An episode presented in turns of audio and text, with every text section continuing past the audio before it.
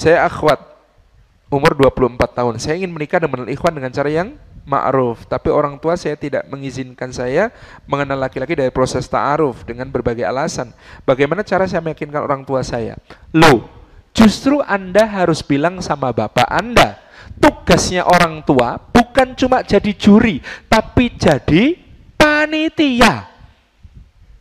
Banyak bapak-bapak salah paham. Ini ada bapak-bapak saya sampaikan. Bapak-bapak itu tugasnya bukan jadi juri. Bapak-bapak itu panitia. Apa tugas bapak pada anak perempuannya? Mencarikan suami yang saleh. Bukan menunggu anak gadisnya cari sendiri. Enggak, carikan. Lihat Sayyidina Umar bin Khattab radhiyallahu anhu. Sayyidina Umar itu, Sayyidina Umar itu menantunya namanya Khunais bin Hudzafah As-Sahmi. Gugur di perang Badar.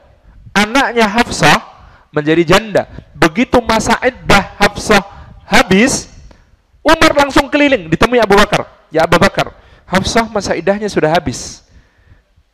Kamu mau tidak jadi menantu saya? Kata Umar. Kata Ustaz Zaki Ahmad Rifai, sunnah Nabi dan para sahabat itu bukan besanan, tapi mantu-mantuan. Ampun, saya bilang gitu. Ini ini contohnya gitu. gitu.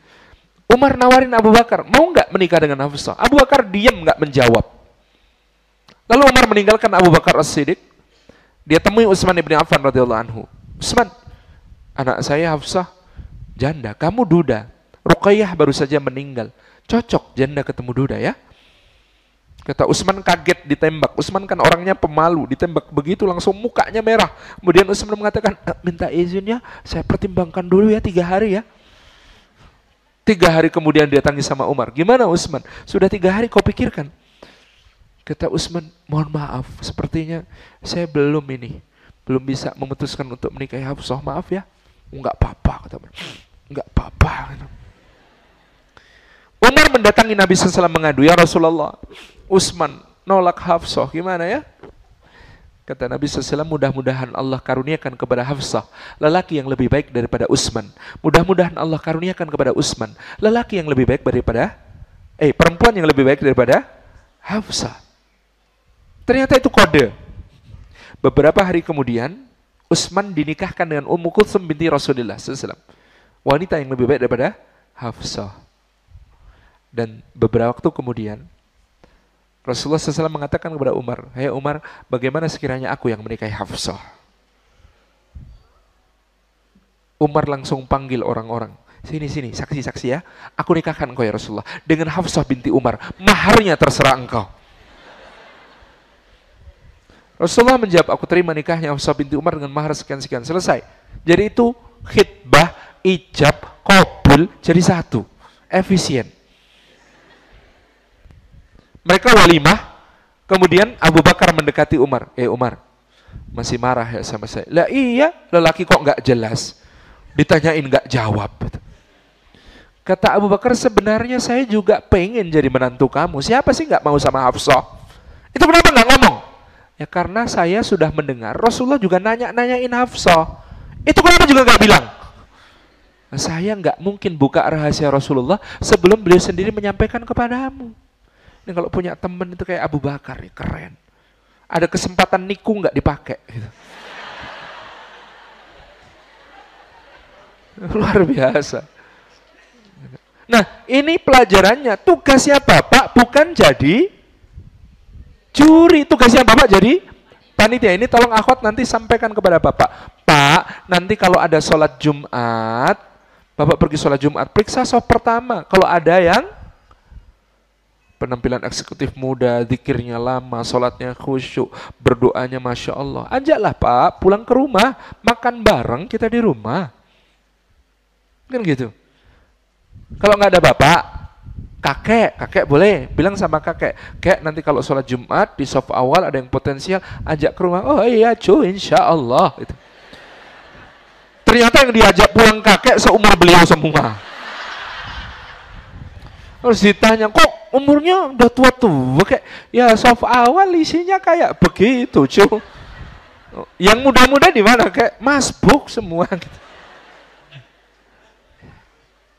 terus sama abang abang juga bagian dari tata urut wali sama paman, antum sampaikan, antunna sampaikan. Sama abang, bang, tukeran temen yuk bang. Maksudnya gimana dek? Temen abang buat aku, temen aku buat abang. Nanti skenario nya kita atur ya bang. Gitu. Itu, gitu ya. Jadi akhwat, Ma'rufnya bukan ta'aruf lewat ustadz dulu, itu nomor dua alternatif kalau wali tidak mampu mencarikan suami soleh. Alternatif pertama adalah wali yang nyarikan suami soleh. Suruh bapaknya nanti silaturahim ke Fodamara, ke FSRMM gitu ya. Ke sahabat hijrah, ke apa namanya organisasi ya. Nah banyak yang potensial insya Allah. Cuma memang soal nyali itu. Saya dulu terlambat menikah, antum jangan mengulang kesalahan saya. Saya dulu baru menikah umur 20 tahun. Terlambat sekali, karena sebenarnya umur 14 sudah bisa. Iya kan? Berarti nunggu 6 tahun, ya Allah, lama itu. Iya kan? Bener omongan saya. Bener, sudah bisa nikah sejak umur 14, baru nikah umur 20. Kelamaan. Antum umur berapa? Nah, zaman sekarang itu ya, ikhwan tuh harus segera mandiri. Saya baca semua kitab fikih, semua madhab itu mengatakan wanita jadi tanggungan bapaknya, kewajiban walinya sampai menikah. Anak laki-laki jadi tanggungan bapaknya sampai balik. Jadi kalau antum sudah balik, berapa tahun yang lalu baliknya? Masih jadi tanggungan orang tua, itu sebenarnya bukan nafkah, itu sodakoh. Antum termasuk fakir miskin dan anak terlantar yang dipelihara oleh orang tuanya sendiri. Ini ikhwan harus tahu ini fikihnya. Maka saya dulu kaget begitu ngaji, tahu begitu itu kelas 3 SMA. Saya baca fikihnya, wih, saya ini sudah bukan tanggungan orang tua harusnya. Maka sejak saat itu saya tidak minta uang kepada orang tua. Tapi kalau dikasih, saya terima. Lo beda loh. Kadang-kadang kita minta uang sama orang tua, kalau pas orang tua nggak punya, orang tua gimana? Sedih. Tapi kalau orang tua ngasih, kita terima. Orang tua senang apa sedih? Senang. Beda. Jadi mulai besok bilang sama orang tua, Pak, Bu, mulai sekarang saya tidak akan minta uang lagi kepada Bapak dan Ibu. Tapi kalau mau ngasih, ini nomor rekening tersedia. Gitu. Ya Allah, antum sekarang dimudahkan. Zaman saya semudah antum, ya kalau muka sih saya sampai sekarang masih semudah antum ya. Zaman saya semudah antum dulu saya umur, jualan itu harus punya kios. Iya enggak? Zaman saya jualan harus punya kios. Antum sekarang jualan nggak usah sewa kios, asal punya akun Instagram. Iya kan? kan? Kadang-kadang nggak harus punya barang yang dijual. Ambil dari supplier langsung kirim kepada yang pesan. Sangat dimudahkan. Yuk, mandiri ya. Iwan ya. Segera lamar tuh, sudah ditunggu.